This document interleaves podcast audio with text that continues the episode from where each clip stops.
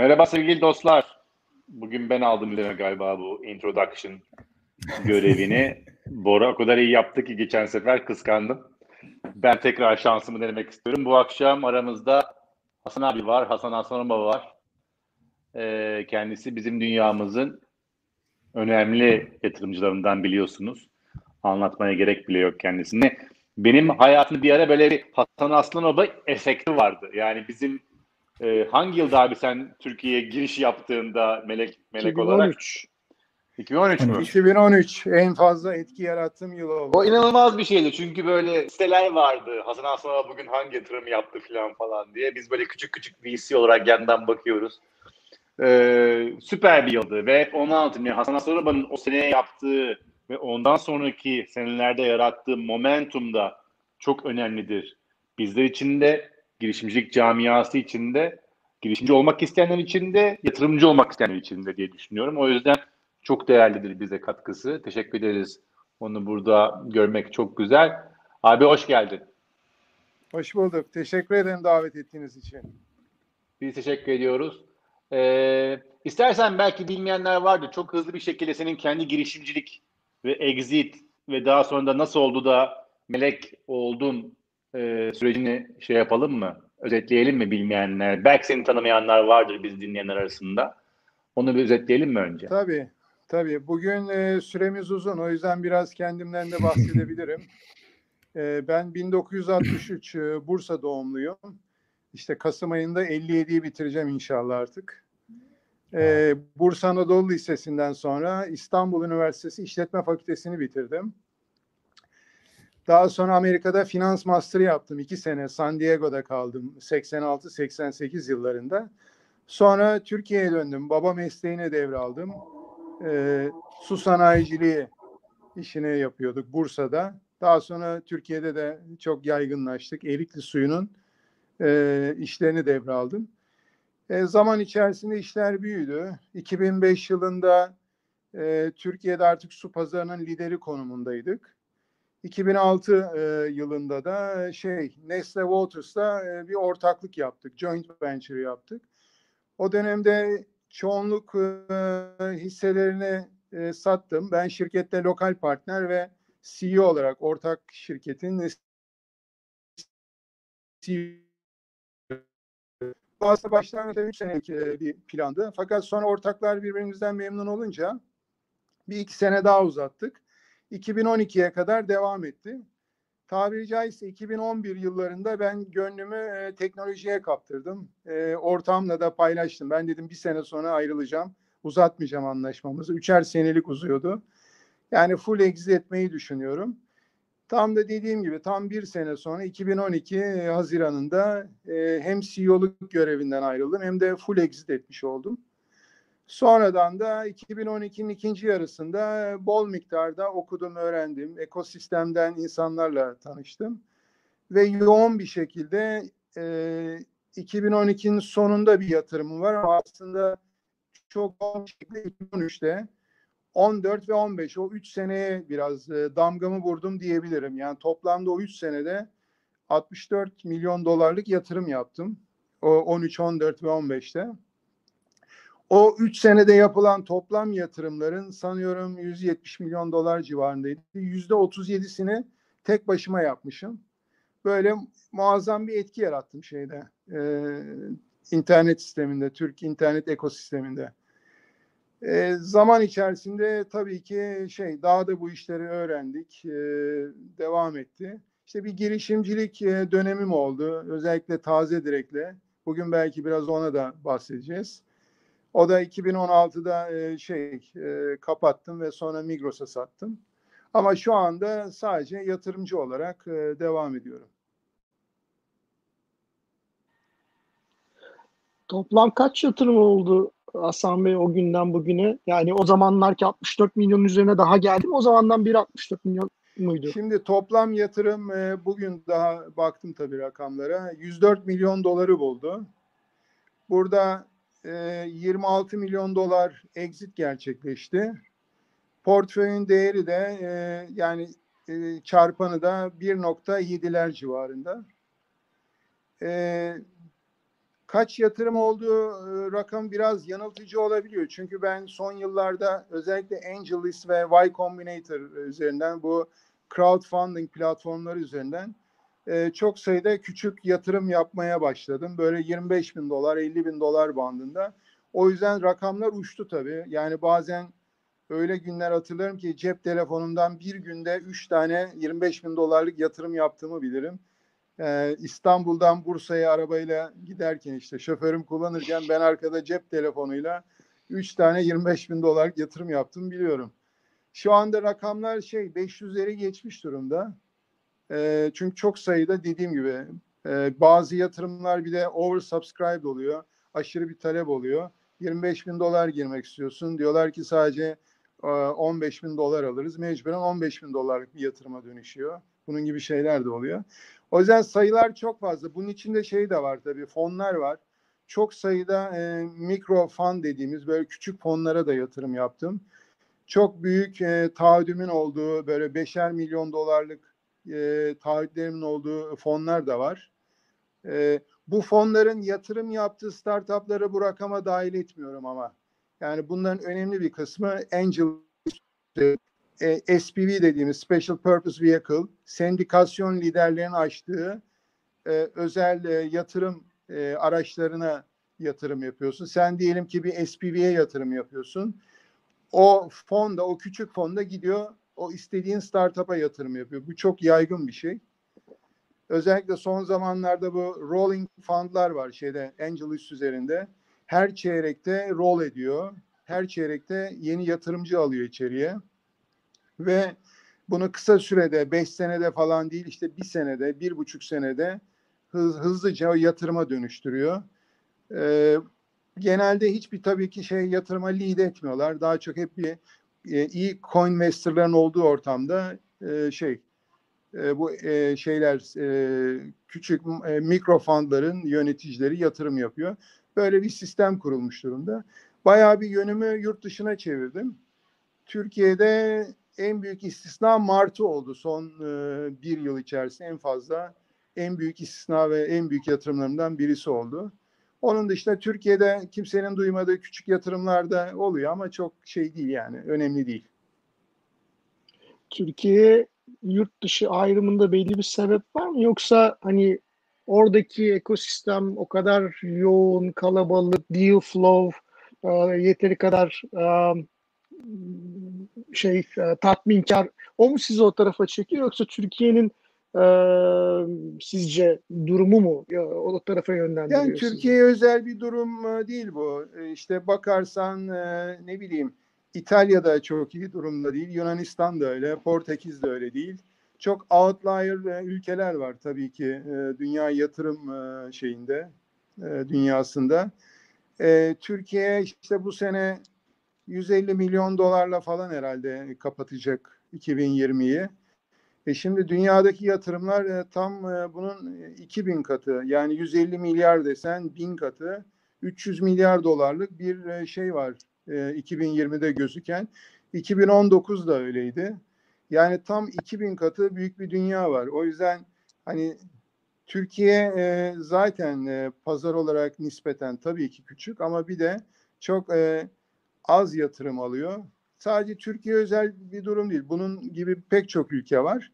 Bir de çok öne çıkan ülkeler var. İşte İsrail gibi, e, Kuzey Avrupa ülkelerinde işte İsveçler, e, Hollanda gibi. Mesela Hollanda bu sene üçüncü çeyrekte 660 milyon dolarlık yatırım almış. Ne kadar aslında küçük bir ülke hani nüfus olarak.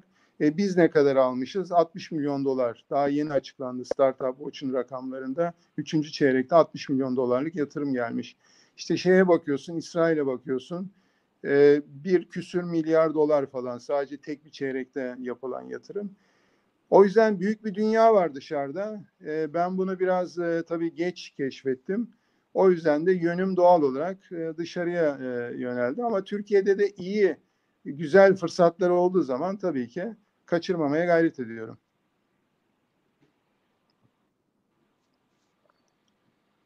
Sen bir şey soracakmış gibi öyle gittiğin için bir durdum Ali. Hani Şeyi merak ediyorum çünkü e, Hasan abi corporate taraftan geliyor. sermaye tarafından geliyor. Ben hatırlıyorum çoğu konuşmasını dinlediğim için e, sonuçta etrafında çok nüfuslu insanlar var, sermayeye erişimi olan insanlar var. O hep şey derdi, benim sayemde benim etrafımdaki insanların da bu sektöre daha fazla girmesini, melek yatırımcı olmasını, startuplara e, ekspoze olmasını bekliyorum, istiyorum derdi. Bu oldu mu sence yoksa senin tahmininden e, daha mı az, daha mı yavaş ilerliyor? Onu merak ediyorum. Ve niye? Şeyde biraz hareketlenme oldu. Bu corporate venture capital tarafında daha fazla bu kurumsal girişim sermaye e, kurulduğunu görüyoruz. Bireysel olarak da tabii ki özellikle e, yurt dışında e, çok iyi eğitim almış yeni jenerasyon genç arkadaşlardan biraz daha işte şirketlerinde, holdinglerinde sözü geçen olmaya başlamalarından itibaren e, ailelerinin servetlerini daha fazla bu alana çekmek isteyen genç arkadaşlar. Ama benim e, jenerasyonuma yani işte böyle dediğim gibi 57 yaşındayım. Benim yaşımdaki eski e, old school iş adamlarına çok etki yapabildiğimi söyleyemem. Çünkü bu biraz e, şey e, bir çalışma meselesi. Yani bu bir bilinç geliştirme meselesi. Yani topyekün e, e, adam reddediyor bunu. Anlamıyor çünkü. Anlaması için çok çaba göstermesi lazım. E, bayağı bir uzak bir ama daha genç arkadaşlar dediğim gibi e, onlar biraz da işte babaların amcalarının şirketlerinde biraz canları sıkılıyor. Her şey e, eski tas eski aman diye yenilik arıyorlar. Biraz daha heyecan orada ama şey tarafında yani yeni VC'lerin kurulduğunu e, görüyoruz. Yeni corporate venture capital'ların kurulduğunu görüyoruz. O yüzden genel olarak tabii ki melek yatırımcıların sayısı arttı. E, venture capital'ların sayısı arttı. Rakamlar da arttı gerçi. Mesela geçen sene de e, 100 milyon doları geçtik. E, 2019'da. Bu sene e, bir rekora gidiyor. 150 milyon dolarlara falan gidiyor ki geçen sene benim bildiğim ama açıklayamadığım e, aşağı yukarı bir 30-40 milyon dolar daha var. Yani aslında geçen senenin rakamı da o 150 milyon dolarlardan aşağı değil. E, fakat dediğim gibi e, dünya da hiç durmuyor ki e, o 300 milyar dolarları bu seneki Covid'e rağmen birinci çeyrek iyi gitmedi ama ikinci ve üçüncü çeyrek gayet iyi gitti. Böyle 80 milyar dolarlar civarında e, gördük hem ikinci hem üçüncü çeyreği. O yüzden işte bizim hepimizin siz de biliyorsunuz vermiş olduğumuz bir örnek var. Türkiye'nin dünya milli gelirinden aldığı e, pay yüzde bir civarında. E şimdi o zaman bizim bu 300 milyar dolardan bir 3 milyar dolar almamız lazım. Öyle değil mi? Bu hesaba göre böyle bir para girmesi lazım bizim startuplara yatırım olarak. E ne kadar geliyor? 150 milyon dolar bu sene inşallah olacak. E ne kadar fark var olması gerekenle? 20 katı fark var. Yani dünya ortalaması ulaşabilmemiz için bile 20 katı büyümesi lazım rakamların. Yani çok şey var, büyük bir uçurum var. Ben tabii olabildiğimce çevreme buradaki fırsatları anlatıyorum ama insanların alışkanlığını değiştirmek kolay bir şey değil. Çünkü para konusu hassas bir konu. Yanlış bir yatırım yapmak istemiyor kimse. Bunun için de çok çalışmaları öğrenmeleri gerekiyor. Yani iyi bir yatırımcı olmak için e, ben de ciddi bedeller ödedim açıkçası. Yani bugün asla yapmayacağım. Çok fazla e, hatam oldu. Yapılabilecek bütün hataları yaptım diyebilirim. Ama bu bir tecrübe, bu bir süreç. Şimdi bugün e, bulunduğum konumdan çok memnunum. Hem e, tecrübeli bir yatırımcıyım hem de dünyadaki fırsatlara aksesim çok gelişti. Sadece Türkiye'de değil, e, yani bazı çevrelerde ismim e, bilinmeye başladı. E, yavaş yavaş e, e, ben değil başkaları bana gelmeye başladı.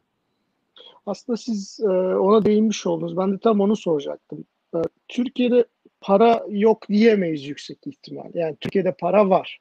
Ama bir şekilde bu ne teknolojiye yatırıma gidiyor ne de genel olarak girişimciliğe aktarılıyor. Siz dediniz ya birçok bedeller ödedim diye. O bedellerin sonucunda özellikle yatırımcılar, yatırımcı olmak isteyenler. Ya ben bu bugünkü sohbetimizi şu açıdan çok önemsiyorum. Yani girişimciler sizi biliyor. Bilmeyen girişimci hani bence dükkanı kapatsın zaten. Hiç, hiç konuşmayalım bile. Ama e, melek yatırımcılar ya da yatırımcı olmak isteyenler sizi dinliyorsa ben sizden bir şey alsınlar ve o ekosisteme girsinler çok isterim.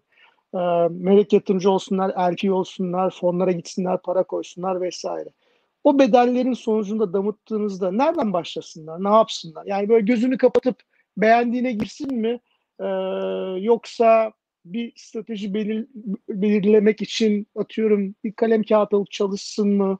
Nereden başlamak lazım?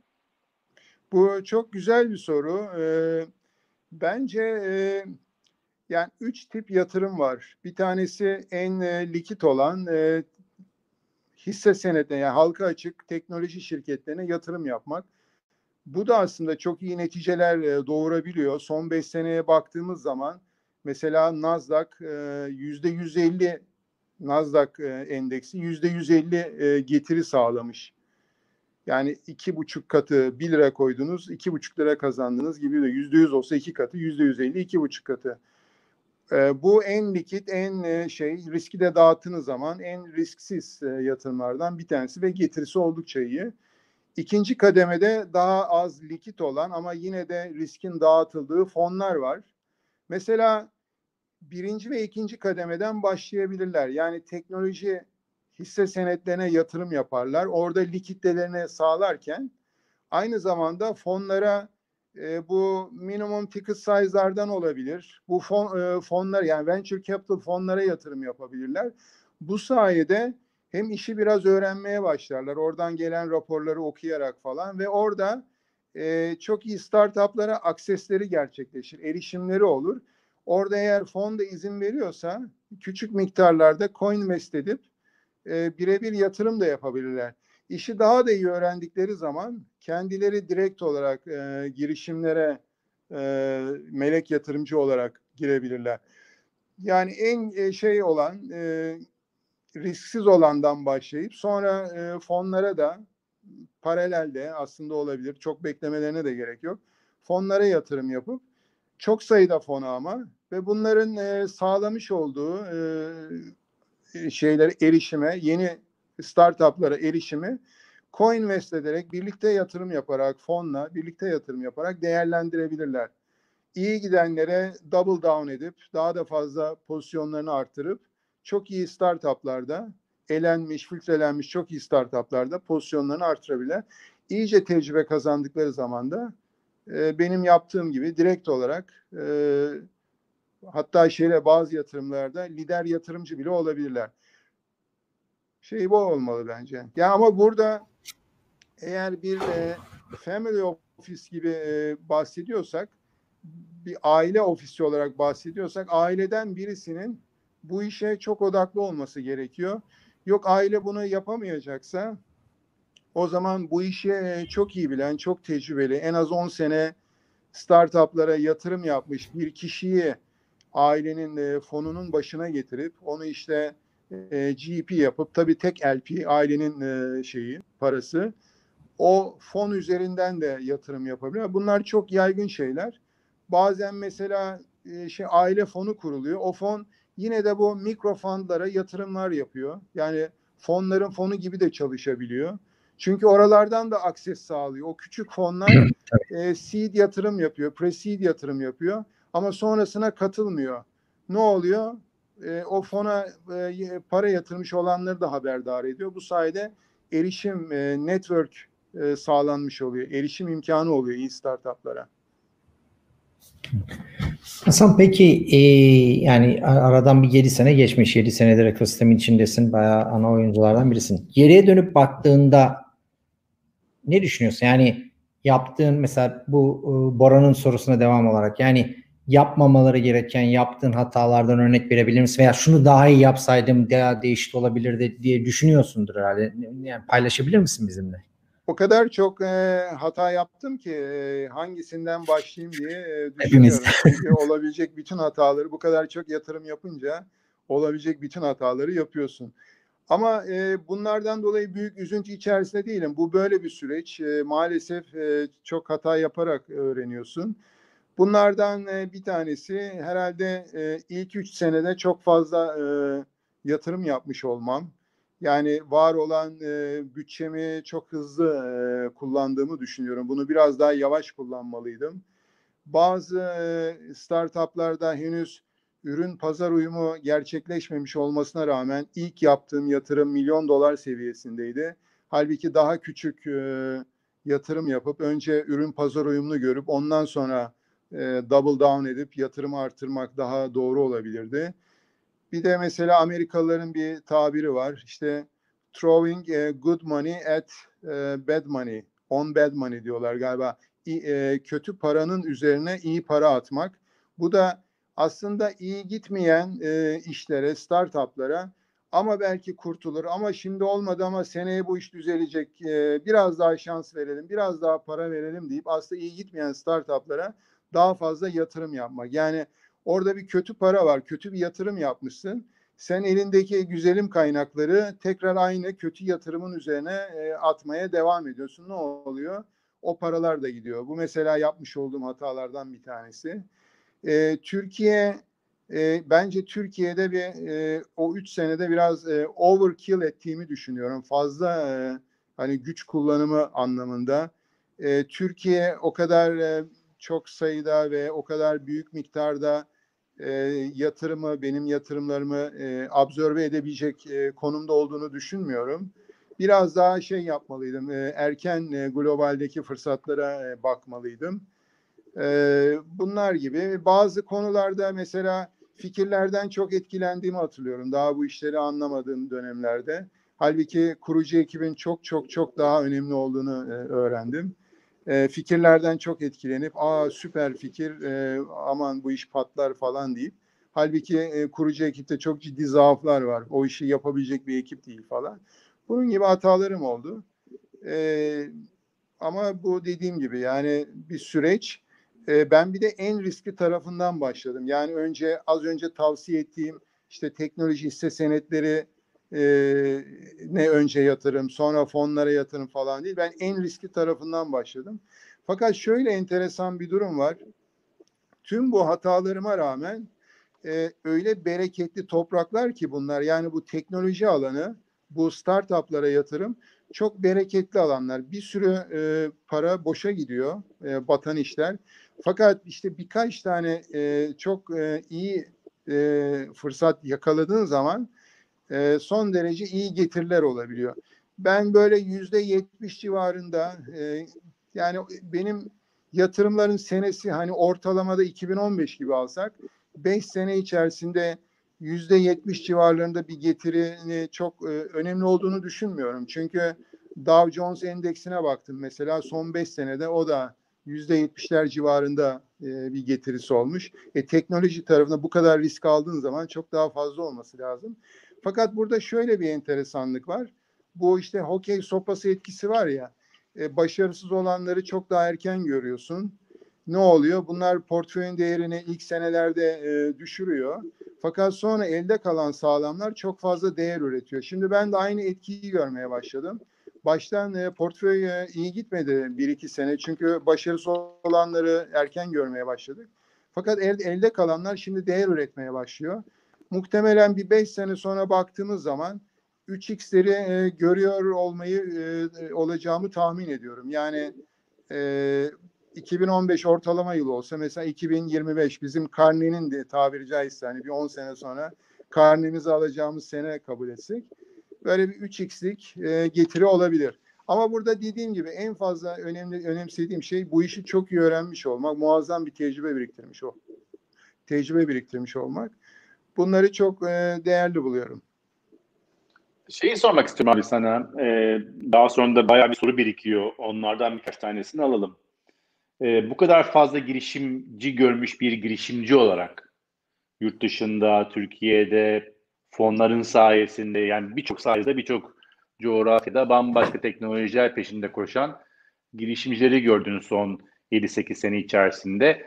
Sence Türkiye'deki girişimcilerin yabancı girişimcilerden, Amerikalısından, İsraillisinden e, farkı ne? Güçlenmeleri gereken, gereken 2-3 tane nokta var. Hemen yapmaları gerekiyor. Bunu yapsalar çok daha hızlı, çok daha başarılı olacaklar dediğin birkaç tane şey var mı? Learning, e, tecrübe var mı acaba? Bu da çok güzel bir soru. Teşekkürler Ali. bence bizim girişimcilerin e, en e, temel eksikliği e, bu teknoloji şirketlerinde e, çalışanların e, sayısı az. Yani ben mesela projelere baktığım zaman hemen altlarında o founderların, ekibin e, bir sürü teknoloji şirketinde e, çalıştıklarını görüyorsun. Yani bu en temel şey bu. Yani teknoloji şirketlerinde e, tecrübe biriktirme şansları daha az oluyor. Bizde çünkü o kadar çok e, şey yok, teknoloji şirketi yok. E, onun e, dışında e, çok daha fazla globale bakmaları gerektiğini düşünüyorum.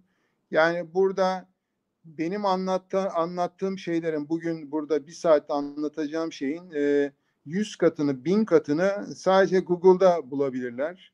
Araştırmaları gerekiyor. Bu iş nasıl oluyor? Mesela Y Combinator bu işin e, piri, uzmanı olan bir e, accelerator. Muazzam bir şey var, library'si var. O e, kütüphanede her türlü soruyu cevaplıyorlar. E, şirket nasıl kuruluyor, neye dikkat edilmesi gerekiyor, işte ürün pazar uyumu nedir, e, ne zaman ölçeklendirmen lazım, nasıl bir ekip kurman lazım. O kadar çok soruya cevap veriyor ki mesela e, yani bu e, sadece buralardan bile çok fazla şey öğrenebilirler. Biraz daha global düşünmeleri gerekiyor. Mesela e, belki de kurmaları gereken şirket yabancı yatırımlarıcının tercih ettiği işte Delaware eyaletinde bir C Corp olması çok daha uygun olabilir. E, çok iyi bir ekip kurup hemen global bir B2B SaaS işine soyunabilirler. E, yani global bakmaları gerekiyor. Onun dışında e, sanıyorum e, şey konularında da biraz e, ümitsizlik var. Yani ya burası işte Türkiye zaten kimse yatırım yapmıyor. Oraya gittik, buraya gittik falan.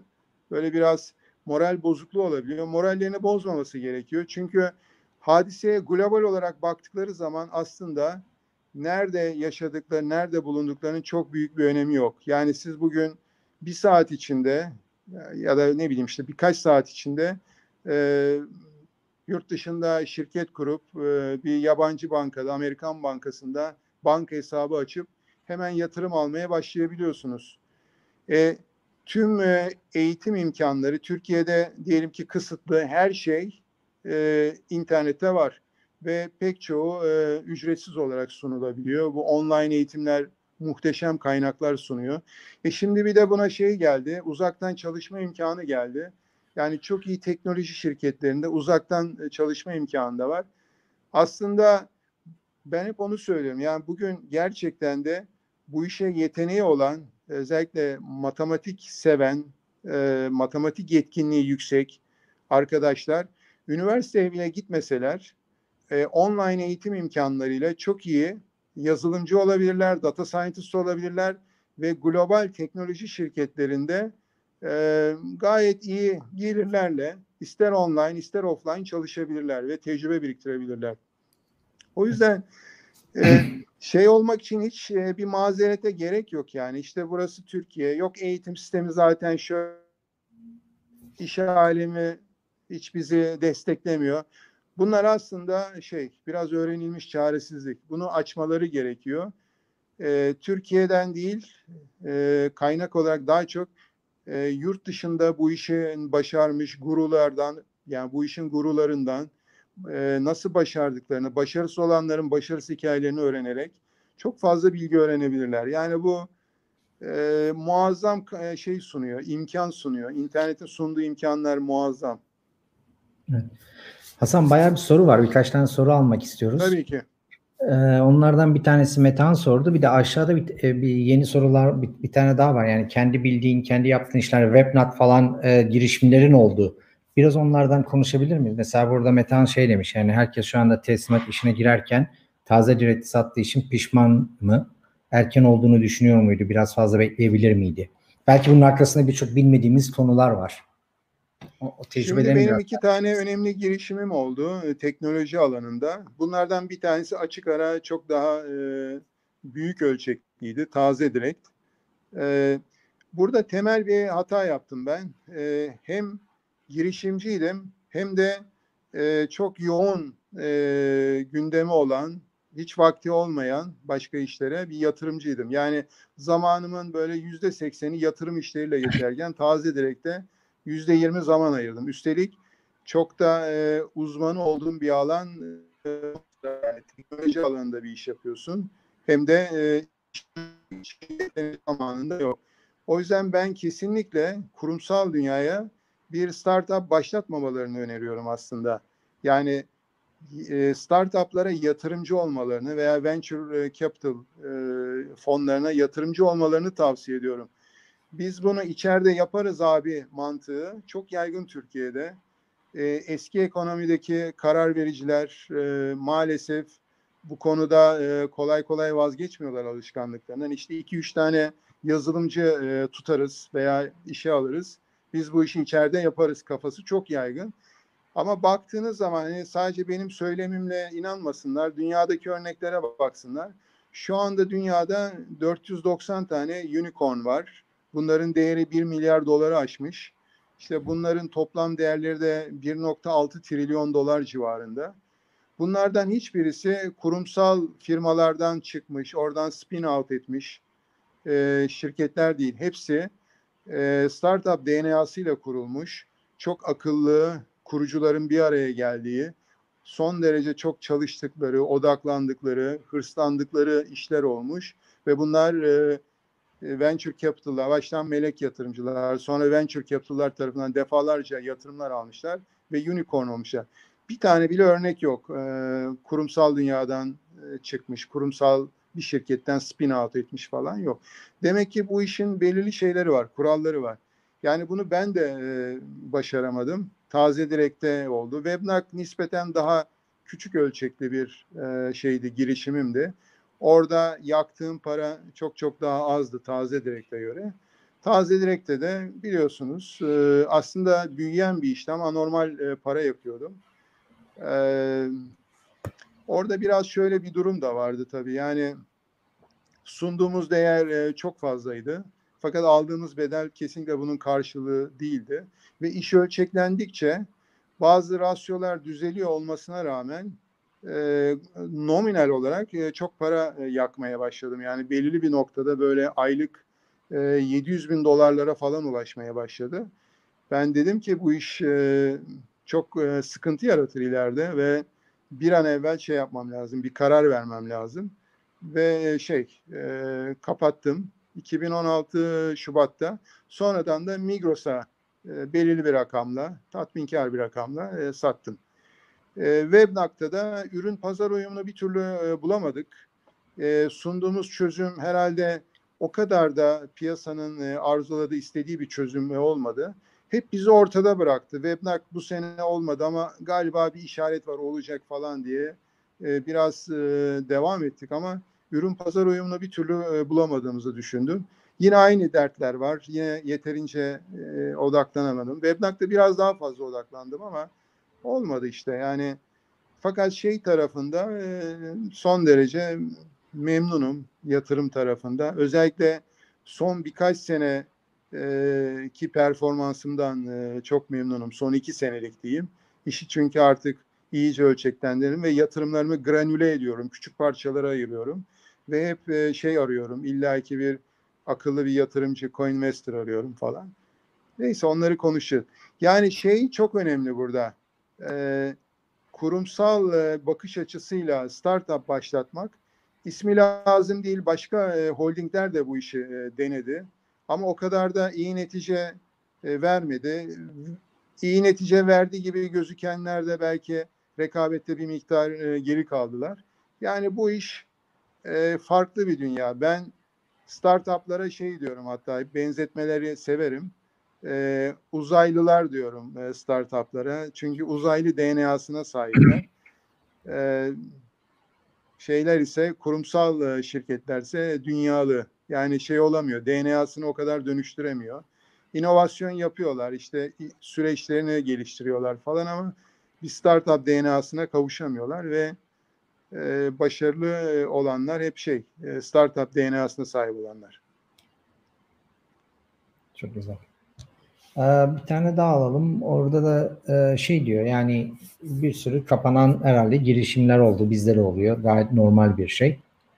Kapananlar girişimler niye kapandı? Farklı bir şey yapılabilir miydi? Senin oradaki involvement'ın biz içinde olduğumuz için biliyoruz ama yani nasıl bir ilişkin vardı? Farklı bir şey yapabilir miydiniz sence? E, genelde bir iş e, e, iyiye gittiği zaman e, erkenden e, kendini göstermeye başlıyor. E, kötü gittiği zaman da yine o da erken göstermeye başlıyor. Bir türlü e, olmuyor, büyüme gerçekleşmiyor. Burada kurucunun şeyi çok önemli, davranışı, kararları çok önemli. Ben pek karışmıyorum açıkçası. Yani tabii ki fikirlerimi söylüyorum, mentorluk veriyorum ama müdahil olmuyorum. Yani onu öyle değil de böyle yap demiyorum hiçbir zaman. O yüzden e, bütün e, başarı veya başarısızlık aslında şeyle ilgili, e, kurucu ile ilgili oluyor. E, bizim e, katkımız olumlu veya olumsuz yönde, yani benim için e, en azından çok e, etkili olmuyor. Sadece şey, e, fikirlerimi söylüyorum, e, yardımcı olmaya çalışıyorum ama bir iş e, olmuyorsa e, olmuyor yani e, belirli bir süre işte onu zaten söyledim hani kötü paranın arkasından iyi para atmak falan gibi. O tür çabalar da genelde hep olumsuz sonuçlandı. Bir yere varmadı. Daha da fazla şey yaptık. Para kaybetmiş olduk. O yüzden bir şey uy- tutmuyorsa, ürün pazar uyumu bir türlü gerçekleşmiyorsa mecburen zaten yatırım alamıyor genelde startup ve ondan sonra da başka yatırımcı da bulamazsa kapatıyor veya çok büyük bir pivot ediyor. Ee, o masraflarını minimuma indiriyor. İşte ekibin atıyorum yarısını çıkartıyor. E, çok e, temel bir şeye odaklanıp e, yaşamaya çalışıyor ama çok öyle e, şeyler iyi şeyler çıkmıyor. Yani bir şey iyi gittiği zaman genelde iyi gidiyor. Kötü gittiği zaman da pek bir şey olmuyor. Sonradan yıllar da geçse olmuyor. Ee, Twitter'dan gelmişti bu soru. Ben de sormayı çok isterim aslında. Ee, yani bu kadar çok startup yatırımınız var. Ee, bunları işte az önce söylediğiniz batan var, çıkan var, çok iyi giden var. Bunlara bir zaman ayırmak lazım. Kafa, mind share ayırmak lazım her şeyden önce. Bir ara e, Can Kut sizledi. Aslanova Kapital vardı. Hani o çalışmanın sonucunda eminim o e, şimdi, Can Kut'u bilmeyenler için o da eski eski bir fon yöneticisi sizle beraber çalışmaya başladı. Mutlaka karşılıklı birbirinizi beslediğiniz şeyler olmuştur. Ee, bu büyük portföy yönetme çerçevesinden baktığınızda ne kattı size o süreç? Şimdi e, Cankut'un bana e, çok büyük e, katkısı oldu o dönemde. Çünkü ben de o anlamda e, yani bir VC e, partneri değildim. E, startuplara yatırıma yeni başlamıştım. İşte eski ekonomi kafasıyla yatırım yapıyordum. Orada e, pek çok konuda e, şey e, vizyonumu açtı. E, çok yardımcı oldu. Bu işi daha kısa sürede öğrenmemi sağladı. O benimle başladığı zaman abi ben pek çok e, yol almıştım. E, o öyle de bir durum var. Bayağı da bir yatırım e, yapmıştım. E, genelde beni biraz e, daha frenler e, pozisyonunda oldu. Çünkü ben daha böyle fikirlerden etkileniyorum. Hemen yatırım yapalım falan şeyindeyim e, çok olumlu katkısı oldu. E, bazı e, riskleri almamamı sağladı. E, tersi de olmadı değil. Bazı konularda e, şey fırsat e, kaçırdığım da oldu ama son kararı sonuç olarak hep ben veriyorum. O yüzden e, iyisi veya kötüsü her şeyle tabii ki e, ben sorumluyum. Ama e, şey oldu, muazzam e, şey oldu, katkısı oldu, bilinçlenmemi sağladı. Şimdi Aslında de biliyorsunuz biraz da... Martı'nın e, kurucusu oldu ve ilk e, yatırımlarından birisini benden aldı. E, Martı'nın e, ilk yatırım roundunda e, ben e, bulundum. Sonra başka arkadaşlar da geldi falan. E, şey ilk roundu öyle yaptık. Biraz da aslında merak ettiğim bu e, melek girişimci belli bir portföy sayısını geçtiği zaman ya da belli bir hacmi geçtiği zaman yatırım miktarı olarak biraz daha kurumsallaşması gerekiyor mu? Aslında o sürecin hani e, çıktısı olarak şey diyor musunuz? Evet, e, VC'ler tabii başka bir oyun oynuyor. VC'ler baktığınız zaman fon yöneticisi altında bir işte e, bir ekip çalıştırıyor. E, daha kısıtlı bir e, sayıda yatırım yapıyor e, fonun tipine göre ama Sizin durumunuzda bu kadar çok firmayı yönetirken biraz daha böyle ekipleşmek, biraz daha kurumsallaşmak, biraz daha farklı e, yol almak doğru, yanlış ya da e, gerekli, gereksiz ne dersiniz? Şimdi ben kendimi ölçeklendirebilmek için bazı tabii kısa yollara Süper. başvurdum. Bunlardan bir tanesi e, yönetim kurullarına girmemek. Yönetim kurullarına hiç girmedim. E, onun dışında e, çok fazla dahil olmadım, müdahil olmadım. İşte öyle yapma da böyle yap falan gibi e, şeylere dahil olmadım. Yurt dışındaki yatırımlar bu crowdfunding platformları zaten e, e, karar süreci oldukça e, kolay olabiliyor. Çünkü bir bakıyorsun çok iyi anlaşanlı coinvestorlar var. E, çok büyük bir pazarda ivmeleniyor bu iş. Onun kararını vermek çok kolay olabiliyor. Biraz okuyorsun e, şeyi, e, deki. Hemen anlıyorsun bu bir fırsat mı değil mi? Orada bazı başka işaretler de oluyor. Onlara da bakıyorum. Şu anda hala kendimi ölçeklendirebiliyorum. Yani 500'ü geçti. Ama bunun dediğim gibi e, 400'den fazlası şey çok küçük yatırımlar ve onlardan arada bir e, şeyler gelir, e, raporlar gelir çeyreklerde. Bazıları hiç e, göndermez ve göndermek zorunda da değil. Gelenler böyle iki sayfa, üç sayfa geldiği zaman da var mı yeni bir değerleme, işte işler iyi mi gidiyor, kötü mü gidiyor? Çok hızlı bakarak böyle bir iki dakikada anlayabiliyorum.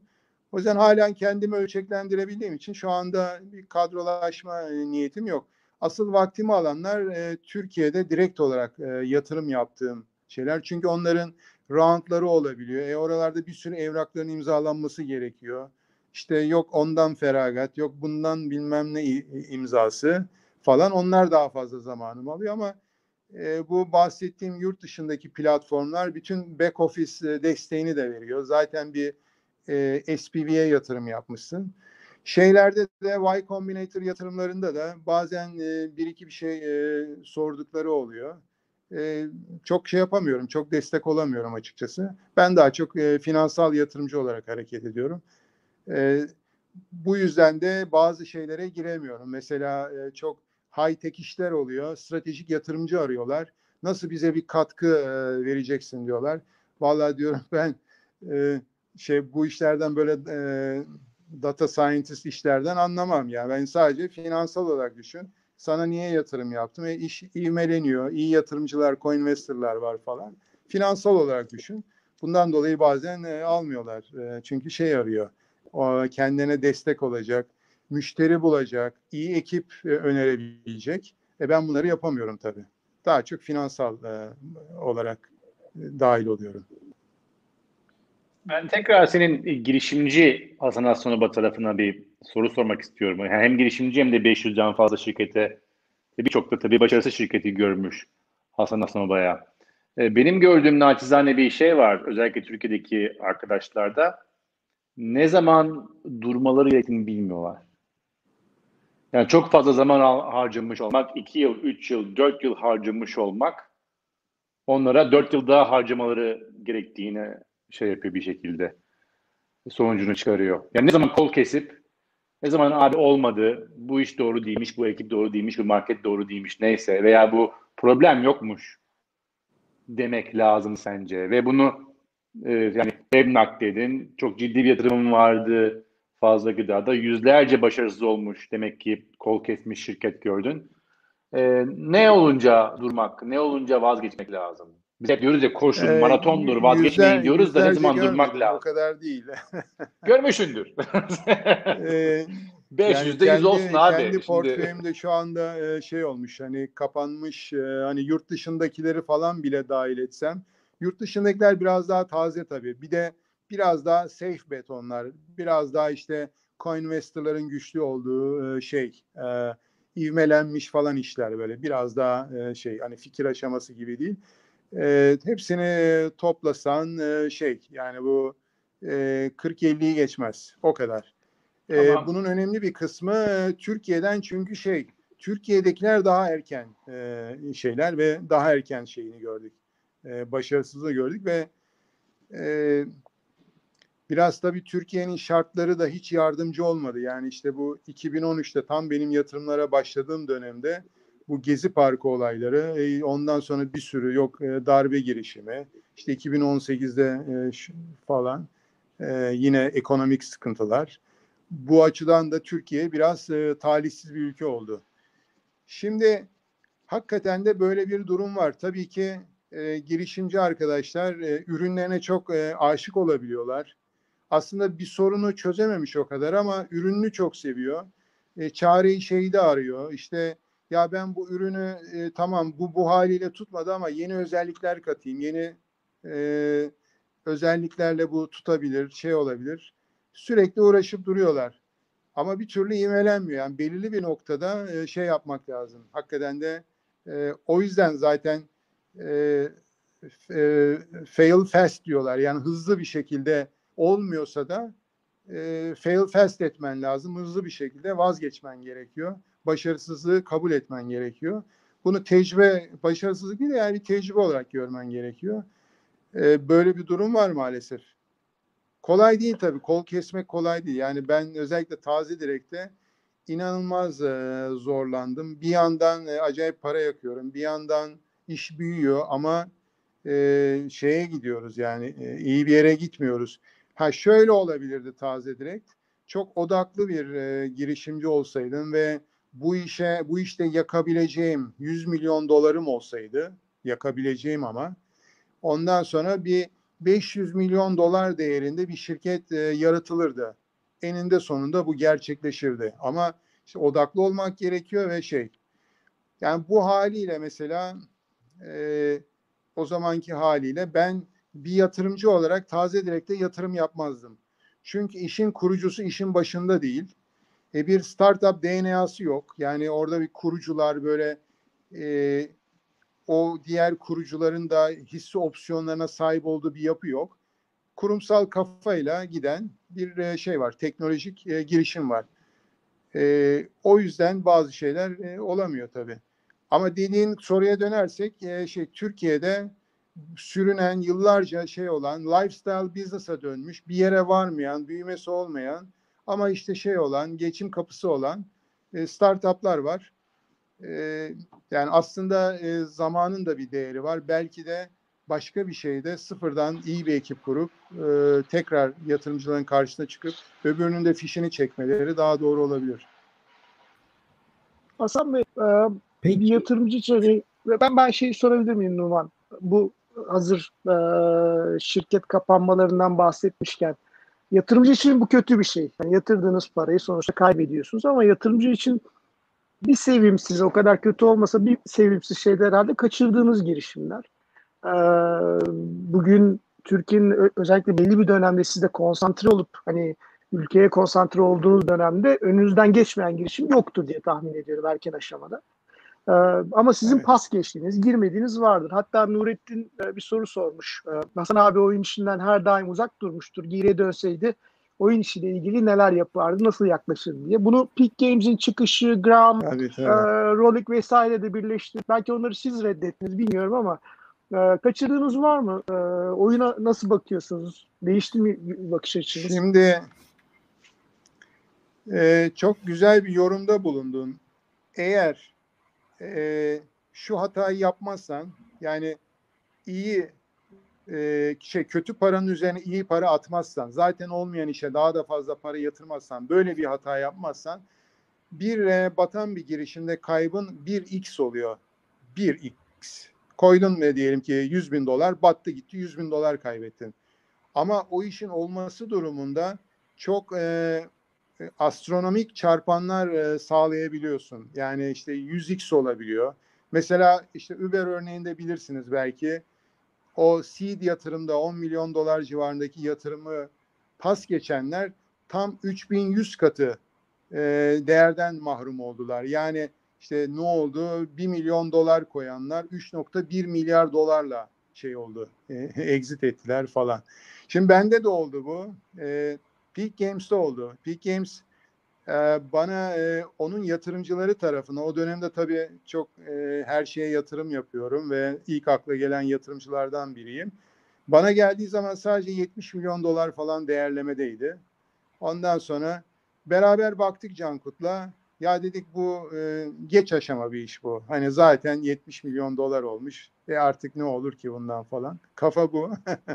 Sonradan 1.8 milyar dolar değerlemeyle şey oldu. Gram Games'te de yine haberim oldu. Ee, yani o arkadaşları da bir şekilde direkt veya dolaylı tanıyorum. Hani ben ya yatırım yapmak istiyorum desem e, yatırım yapabileceğim bir startup'tı. Ee, orada da e, şey ya ben oyun işini bilmiyorum anlamıyorum deyip e, vazgeçtim. Sanıyorum 250 milyon dolarlık mı exit oldu Gram Games yanlış hatırlamıyorsam. Yok. Ama asıl e, muazzam bir şey e, kaçırdım. E, Pamir Gelen Bey'i tanırsınız belki. Pamir'i. E, bana 2013 yılında Bitcoin'i anlattı. Hatta yemek yedik. İki saat boyunca böyle Bitcoin konusunu e, kafayı kasmış e, bir saat şey anlattı böyle. E, Bitcoin anlattı falan. Bir türlü anlamadım. Ya böyle saç bir şey olur mu dedim. Yani bu nasıl şimdi dijital para bilmem ne çalınır o paralar şudur budur falan. Hiç anlamadım. 100 dolardı Bitcoin. Şimdi 11 bin e, dolar yani kaç katı olmuş oluyor? İşte artık hesap edin. Eğer orada Çok katı. evet çok katı evet. Yani bu tür şeyler oluyor.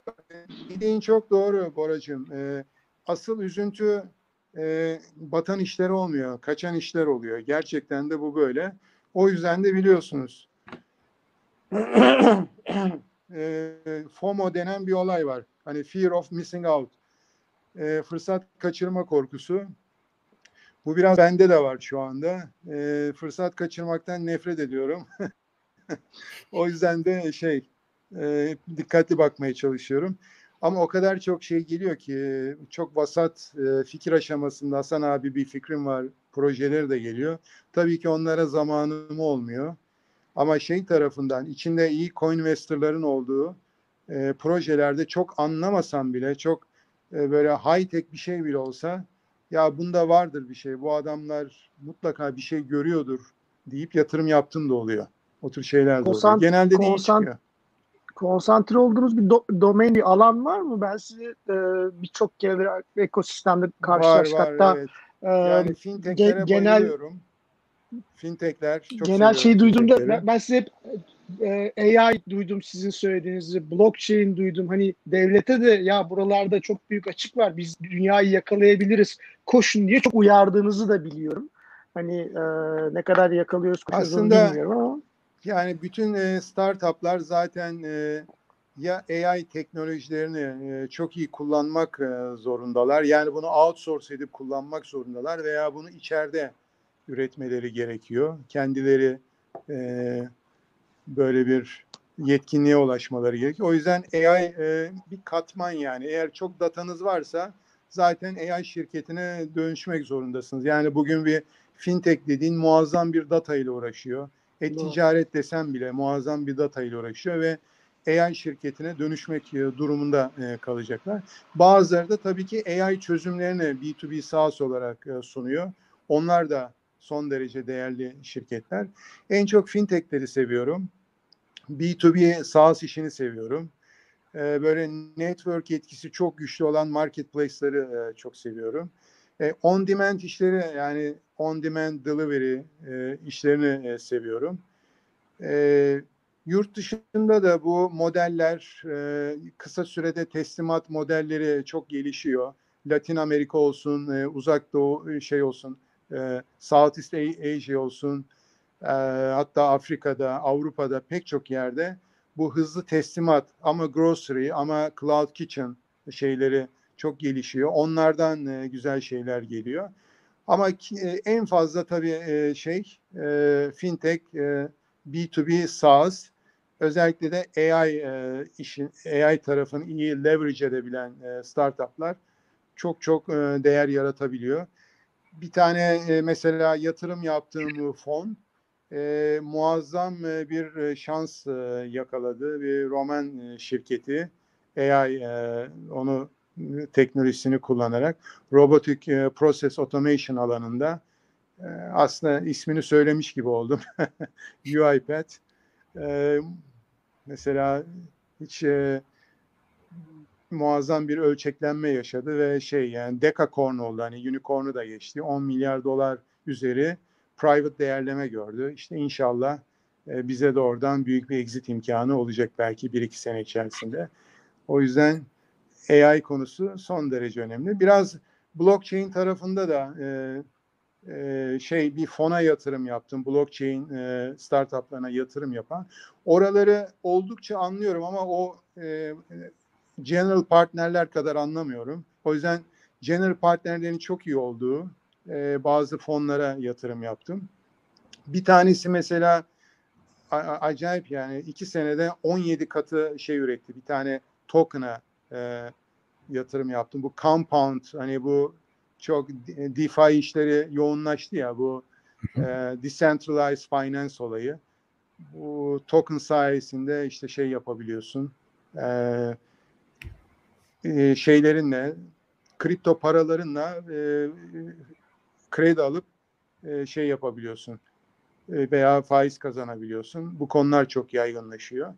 Mesela çok enteresan oldu yani çok kısa sürede 17-18 x gördü. Kripto tarafı e, biraz daha zamanı var ama mutlaka gelecek. Orada büyük fırsatlar ortaya çıkacak. Oraları da e, kaçırmamaya gayret ediyorum ama orası ciddi uzmanlık gerektiriyor. Yani her türlü token'ı bilemiyorum. Her türlü e, faydayı anlayamayabiliyorum orada. O yüzden biraz daha fonlar üzerinden gideceğim gibi duruyor.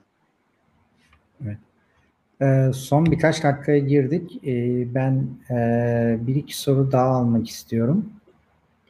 Ee, Emre'nin bir sorusu var. Yani yatırımcı olarak elde ettiğiniz tecrübeyle ek olarak son dönemlerde yatırım yaklaşımınızı en çok değiştiren veya geliştiren insanlar kimler? Ne yönde katkıları oldu? Var mı öyle bir şey? Bu insan olabilir, okuduğunuz bir kitap olabilir, bir tecrübe olabilir. Özellikle bu e, Angel Liste, bu e, mikro fondları yöneten o e, fon yöneticilerinden e, çok e, e, şey öğreniyorum. Çok fazla şey öğreniyorum. Aynı zamanda yatırımcıları oluyorum. Onların göndermiş oldukları raporlarda yapmış oldukları yorumlar. Arada e, şeyler LP'lerini Zoom görüşmesine davet ediyorlar. Yani hızlandırılmış e, eğitim gibi. E, çok sayıda insanı sayılır ama bazıları benim için çok önemli. Ondan bir şey geldiği zaman e, çok e, dikkatli bakıyorum. E, ama toplasanız e, 10 kişiyi geçmez yani. Ama genelde e, mentorlarım e, e, yurt dışında. Ee, Bir soru daha var Serdar'dan. Ee, Kapanan bir şirketin kurucusu daha sonra tekrar yeni bir firmayla, yeni bir e, startupla gelirse yatırım yapar mıydınız? Veya yaptın mı hiç öyle bir şey oldu mu? Şu anda e, hatırlayamadım. Öyle olmadı galiba. E, olabilir tabii ki. Yani dediğim gibi biz e, başarısızı e, şey olarak görüyoruz bir yerde. Tecrübe e, tecrübe kazanma olarak görüyoruz. E, hiç e, yani çok büyük miktarlarda paramı batırmış olan arkadaşlarla bile ben hep konuşurum, selamlaşırım, görüşürüm. Hiç kimseyle şeyim olmadı. Kötü bir ilişkim e, olmadı. E, yani baktığın zaman e, milyonlarca dolarını icabında e, e, şey olmuş, batırmış. Ama yine de sonuna kadar uğraşmış, e, mücadele etmiş ama iş olmamış. E, yani bunlar hep e, şey e, aldığımız riskler. Ama olabilirdi de bana yüz katı para da kazandırabilirdi. Sonuç olarak o da bilmem kaç senelik emeğini e, harcamış. O da yıllarını harcamış bu işe. Ben paramı harcamışım. O e, yıllarını harcamış ama o iş olmamış. E, şey olduktan sonra iyi niyetli olduktan sonra e, hiç sorun değil. Yani tekrar yatırımda yaparım tabii ki gerekirse. Çok güzel. Evet, son bir iki dakikamız kaldı. Var mı arkadaşlar finans sorularında? Aslında Ali'nin bir sorusu var. Ee, hani bu her zaman sorduğu bir soru var ya. Ali Ali Ali, Ali Yok sen daha güzel. Bak kimse da soruyu. kapatalım. Buyur. Yok yok. Ee, sen o Benim onu gidiyor. Ben- Kontrat ben- etmişsin kafanda o, soruyu. yüzden Sorarken- soru. Abi 20 sene e, şeye yani 20 yaşındaki Çünkü Hasan çok Baba'ya düşündürten bir soru Hasan'ı her şeyden önce. Bir zaman makinesine binip 20 yaşındaki Hasan Hasan Baba'ya konuşsan ne, ne şey ne yapardın? Ne söylerdin kendisine? Ha, güzel bir soru bu ee, aslında. Herhalde şöyle, e, yazılım mühendisi olmayı önerirdim. Yani bunun eksikliğini hissediyorum ben. Teknik bir kişi olsaydım, mühendis olsaydım işletmeci yerine daha iyi olabilirdi. Teknik birisi olmayı tercih ederdim. Şeyde bulunmayı tercih ederdim. Bu işin Mekke'si, Silikon Vadisi'nde bulunmayı tercih ederdim.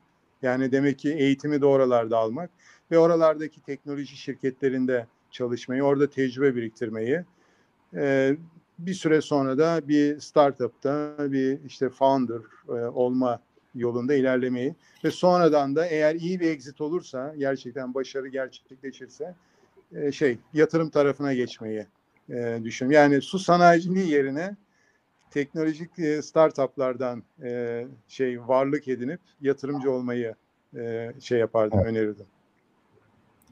Çok güzel Ee, oldu bu.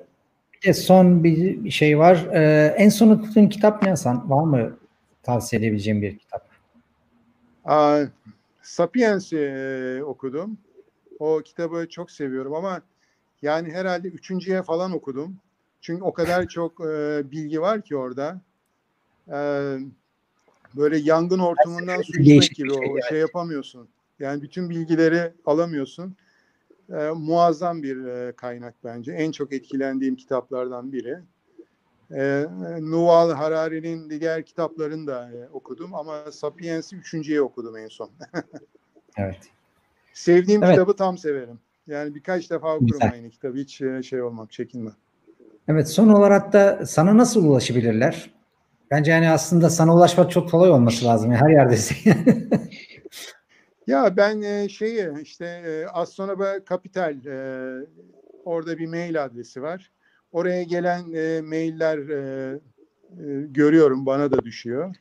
Yani oradan ulaşabilirler. tamam. Ama şöyle bir şey söyleyeyim. E, Eğer e, geri e, dönemiyorsam gücenmesinler çünkü gerçekten çok yoğunluğum var. E, Çok az e, bakabiliyorum, zaman ayırabiliyorum. Yani ilgimi böyle çekebilecek şeylere ancak e, sunumlarına girip bakabiliyorum. O açıdan e, yani sadece bir fikrim varla falan gelmek yerine biz şöyle süper bir ekip kurduk. Böyle bir global bir vizyonumuz var ve işte ee, şöyle bir ivme aldık. İlk müşterilerimizden şunu kazandık. Böyle bir tecrübe edindik falan gibi. Yani onu okuduğum zaman o birkaç cümlede o kaliteyi hissetmem lazım. Yoksa e, açıkçası şey yapamıyorum. Bakamıyorum yani fazla zamanım olmuyor. Onu da söyleyeyim. Evet. Süper. O zaman Hasan abiye teşekkür ediyoruz. Sevgili Numan, sevgili Bora teşekkürler. Arkadaşlar burada dinlemek istediğiniz başka kimse varsa bizim ulaşabileceğimiz lütfen haber verin. Bize Beştek TV Twitter hesabından en kolay e, ulaşırsınız. Tekrar Hasan abi çok teşekkürler. Çok değerliydi bu. Ee, sağ olasın her şey için, desteklerin için özellikle. Çok teşekkürler. İyi akşamlar arkadaşlar. herkese. Sağ olun. Görüşmek üzere. Sağ olun. Çok İyi sağ olun. akşamlar. Sağ olun.